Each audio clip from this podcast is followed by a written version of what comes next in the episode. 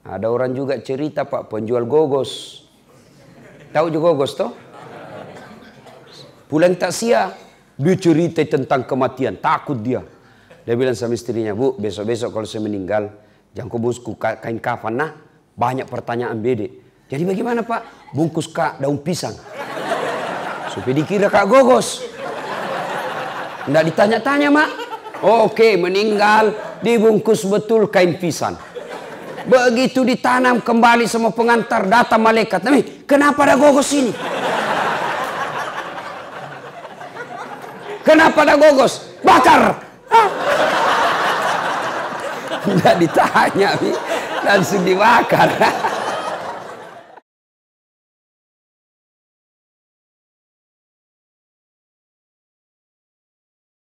Saya berangkat selesai taksia malam, kira-kira jam 11.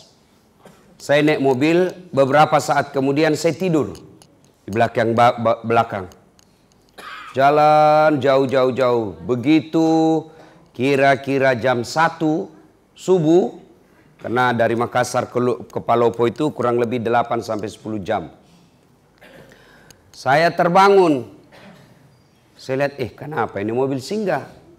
Oh ternyata saya lihat, eh sopirnya turun kencing. Dia turun dari sebelah kanan. Saya juga tiba-tiba mau kencing.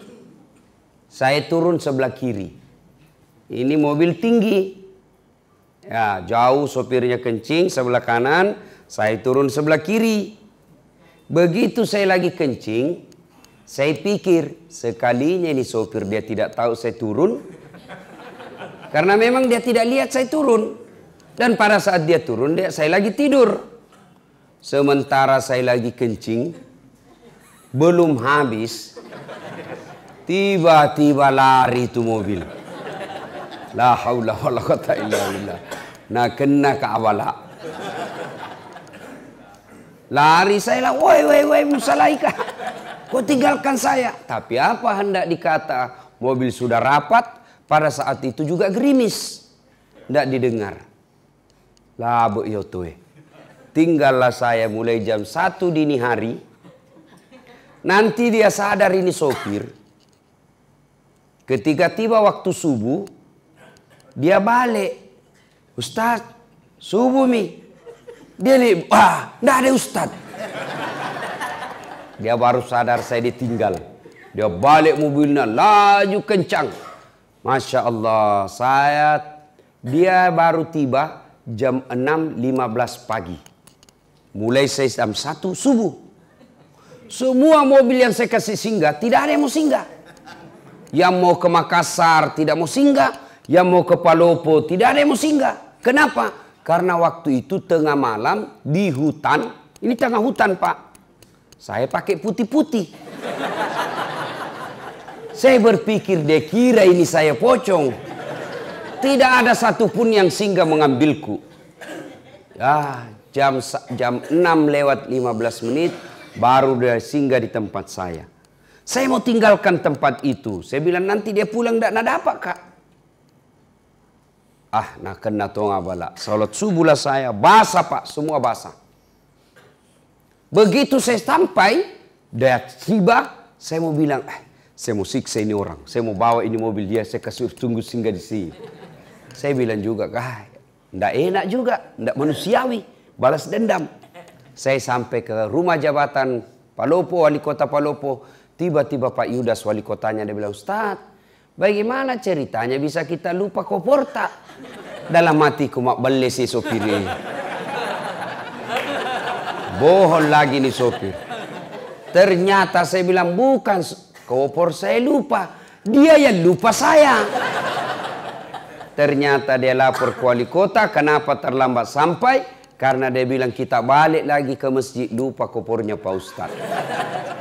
Nah, selesai saya ceramah, baru dia pulang lagi, Pak Wali datang lagi dengan sopir yang sama. Saya bilang, Pak Wali, mohon maaf. Saya sudah maafkan itu sopirnya, tapi tolong jangan lagi dia yang ngantar, Kak. tapi apa hikmahnya? Setelah itu, honorku dia tambah dua kali lipat.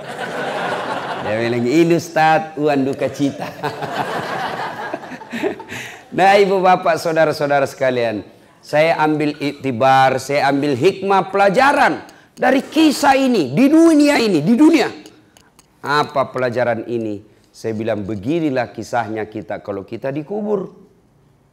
Masuklah kita dikubur. Berharap ada mobil yang singgah mengambil saya. Berharap ada keluarga yang doakan kita. Ternyata tidak ada lagi yang doakan kita. Kita menunggu-menunggu keluarga mendoakan kita. Kita menunggu anak mendoakan kita setelah dikubur. Tapi apa hendak dikata, tidak ada satupun yang mengingat kita. Basah kuyuplah saya, menderitalah saya. Ternyata mengharap kiriman-kiriman doa, ternyata tidak ada yang mendoakan saya. Beginilah kita pak, merantau, kita datang ke Kupang, Bapak bekerja di sini, kalau tidak senang, dua tahun makin menderita, Tiga tahun makin susah. Lima tahun tidak ada tanda-tanda bahagia. Hai, lebih saya pulang ke Sulawesi. Begitu kan? Masih bisa ki pulang. Kerja ki di sini tidak enak. Bos tak, tidak bagus. Kata-katanya kasar. Istrinya enak-enak bicaranya. Berhenti kerja. Saya balik ke Sulawesi. Iya toh? Tapi kalau bapak masih di kubur, senang tidak senang, tinggal mako di situ.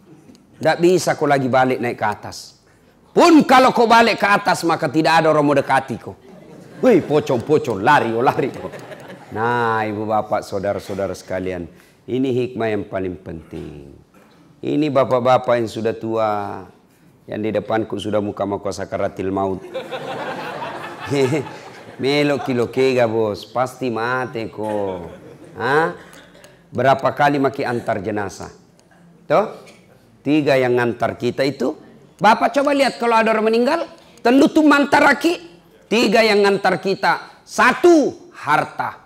Ini harta keluar mobil, keluar motor, keluar karpe, keluar tikar, keluar semuanya. Begitu kita masuk di kubur, apa yang temani kita? Harta kita yang paling banyak, yang paling kita temani kita apa? Kain kafan. Tidak mentang-mentang dia kaya, eh pakai kain sutra. Tidak. Tidak mentang-mentang dia kaya, kasih kebal tebal dia, kasih macam-macam kainnya. Tidak. Kainnya kain kafan, mulai dari yang paling kaya sampai paling miskin, sama kainnya kain kafan. Apa minyak-minyaknya? Kapur barus. Iya toh? Tidak mentang-mentang dia kaya, pakai Bulgari, pakai Angelman, tidak pakai apa? Kapur barus. Lalu apa yang kita mau sombongkan di dunia ini? Meninggal kain kita bawa. Tidak ada orang mentang-mentang dia kaya. Nabi bilang anaknya, kasih masuk tawa bapak PCD. Supaya tidak bete di kuburnya. Ah, tidak bos. Dua, yang mengantar kita masuk menuju ke alam kubur apa? Keluarga, anak, istri, handai tolan, sahabat, sepupu, ngantar kita. Tapi begitu kita masuk di kubur, mereka mau masuk. Ah, mana mau itu waktu tak nagoda ibu. Adindaku sayang, ke mana pun kau pergi, aku akan mengikutimu. Gunung kan kudaki, lautan ku seberangi, masjid kau lewati. iya toh, ibu-ibu. Begitu meninggal ibu. Mau kira-kira suami tak masuk di dalam? Nah, mau kira-kira? Jangankan masuk, kakinya saja tinggal satu meter, ndak mau. Meninggal kibu, eh, mata kanannya menangis, mata kirinya yang mana gantinya. Coba, ada temanku pergi haji, be, meninggal mendadak istrinya. Masih muda, meninggal mendadak istrinya. Buh, bengkak matanya. Dia bilang, Ustaz, rasanya tidak bisa melanjutkan hidupku ini. Separuh jiwaku hilang, Ustaz. Wih, saya bilang, hebat juga ini bapak ini. Barusannya aku dapat laki-laki. Sampai bengkak betisnya. Eh, bengkak matanya. Ternyata beberapa bulan yang lalu, beberapa bulan berlalu, eh, saya lihat dia jalan sama perempuan jogging, muda, putih, cantik. Saya tanya, Aji, siapa itu? Nabila yang baru Ustaz. Ayo. Yang ketiga. Yang ketiga. Yang mengantar kita ke alam kubur. Amal kebaikan. Inilah yang setia mengikuti kita baik amal kejahatan maupun amal kebaikan. Kalau selama kita hidup selalu banyak amal-amalnya, amal-amal ini yang menemani kita. Kalau kita tidak bagus amalnya, amal-amal ini yang menyiksa kita. Nah, ibu bapak, saudara-saudara sekalian, begitu bapak masuk ke kubur, seluruh pengantar sudah kembali. Bahkan kami jelaskan langkah kaki orang terakhir yang mengantar jenazah masih didengar, datang malaikat. Maka yang pertama ditanya bukan puasa. Yang pertama ditanya bukan haji. Yang pertama ditanya bukan sakat. Yang pertama ditanya sholat. Kembali. Maka datanglah malaikat. Tanya, marah buka, siapa Tuhanmu? Langsung dia bilang ini orang, ih tunggu dulu, orang baru datang. Ini karena waktu hidup di dunia suka berdebat. Ah ini dia ini. Biar malaikat mau juga nak debat. Ya. Siapa Tuhanmu? Meramuka. Ketuhanan yang Maha Esa. Bah. Langsung ditampeleng. Pak. Ah ini bangsa Indonesia ini. Yang selalu bilang, saya Pancasila, saya Pancasila. Tapi tidak beres sembayangnya. Blender. Nah, dia bilang, Ya Allah, naik malaikat ada hambamu mati, saya tanya marah buka. Dia jawab ketuhanan yang Maha Esa. Ah itu bangsa Indonesia yang tidak beres sembahyangnya. Nah ini kalau baik solatnya, datang malaikat. Orang bagus solatnya, lima waktunya terpelihara, ada solatnya di masjid, datang ditanya, marah buka, siapa Tuhanmu? Solat berkata, mundur kau. Waktu kau solat, hidup kau rajin pelihara solatmu, sekarang saya yang pelihara kamu. Kata solat, mundur kau, saya yang pelihara. Meramuka siapa Tuhanmu? Salat kita menjawab, Allahu Akbar. Ih, bila malaikat, ih tahu jagonya. Barusan ku dapat. Man nabiyuka? Siapa nabimu? Dia jawab lagi, Ashadu Allah ilaha illallah wa ashadu anna Muhammadar Rasulullah. Uy, malaikat mungkar tambahi. Ih tahu jagonya anak kakak SS ini. Akhirnya Malaikat naik melapor kepada Allah. Ya Allah, ada hambamu mati. Saya tanya, marah buka. Allah dia jawab, Allahu Akbar. Allah berfirman, oh itu orang baik solatnya. Tidurkan dia seperti nikmatnya tidur pengantin baru untuk menunggu hari kiamat. Kalau baik solat. Nah, ada orang juga cerita pak penjual gogos. Tahu juga gogos toh? Pulang tak sia dia cerita tentang kematian, takut dia. Dia bilang sama istrinya, Bu, besok-besok kalau saya meninggal, jangan kau bungkus kain kafan. Nah, banyak pertanyaan bede. Jadi bagaimana Pak? Bungkus kak daun pisang. Supaya dikira kak gogos. Tidak ditanya-tanya, Mak. Oke, meninggal, dibungkus betul kain pisang. Begitu ditanam kembali sama pengantar datang malaikat. Tapi kenapa ada gogos ini? Kenapa ada gogos? Bakar. Tidak ditanya, langsung dibakar. Ibu bapak saudara-saudara sekalian. Nah, berikutnya.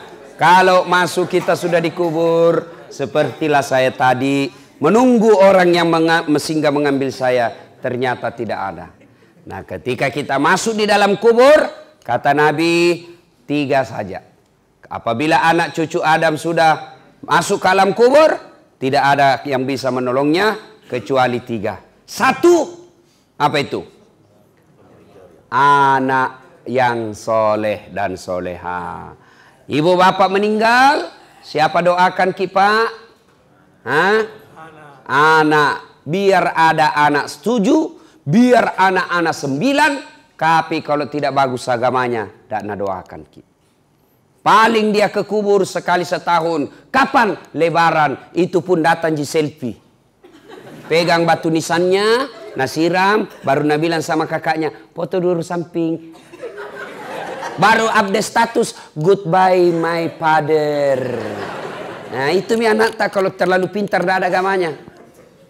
Ya, anak yang soleh dan soleha, yang doakan kita, masuk di alam kubur Allahumma gafirli wali walidayya warhamhuma kama rabbayani saghira kalau baik agamanya Kalau tidak baik agamanya, siapa nak suruh doa? Pak Doja. Baik kalau Pak Doja tahu bahasa Arab. Kalau tidak tahu bahasa Arab, setengah mati bilang amin. Dia pikir mamaknya nak doakan. Padahal mamaknya Pak Joda jangan doakan. Apa Nabi? Allahumma gfirli. Nabi bilang Pak Doja. Allahumma gfirli. Nabi bilang Bapak amin. Wali walidayya amin. Warhamhuma kama rabbayani saghira amin. Nakira mamaknya didoakan padahal mamaknya Pak Doja. Apa artinya itu tadi? Ya Allah ampuni dosaku. Nabi bilang ini Bapak di belakang. Amin. Siapa ku? Eh dosa ada Pak Doja. Wali wali daya kedua orang tuaku. Nabi lagi di bapak. Amin. Eh, ibu bapak Pak Doja. Sudah dikasih pisang sama Uan disuruh doakan mama ta mama ada doakan. Nah, nah, bapak saudara-saudara sekalian. Jadi yang paling habis waktu. Ah, dua menit lagi. Yang kedua, yang kedua, yang bisa menyelamatkan kita setelah anak yang soleh dan soleha, yang kedua adalah amal jariah. Amal jariah. Ya, amal jariah itu berupa apa? Satu, pembangunan yang bermanfaat. Bangun masjid, bangun sekolah, bangun jembatan, tanah dijadikan jalanan umum, rumah dijadikan tafis Quran, rumah dijadikan rumah imam. Ah itu amal jariah. Amal jariah yang ketiga setelah pembangunan anak soleh, pembangunan yang ketiga apa? Ilmu yang bermanfaat. Nih dengar ceramah saya, save, sebar, sebar, like and share. Jangan lupa kasih subscribe. Nah, kalau bapak-bapak dapat ilmu, WhatsApp, broadcast, itu setan menggoda. Jangan sebar, jangan sebar, jangan sebar. Nanti dia bilang korang so alim. Ah, itu setan. Sebarkan saja. Kebaikan. Kalau gambar-gambar porno, Selama gambar porno itu yang kau edarkan beredar, selama itu kau dapat dosa meskipun engkau sudah di alam kubur. Termasuk ibu-ibu, bapak-bapak, saudara-saudara yang sebarkan foto-fotonya yang kelihatan auratnya, maka selama beredar itu fotomu yang kelihatan auratnya, selama itu kau dapat kiriman dosa.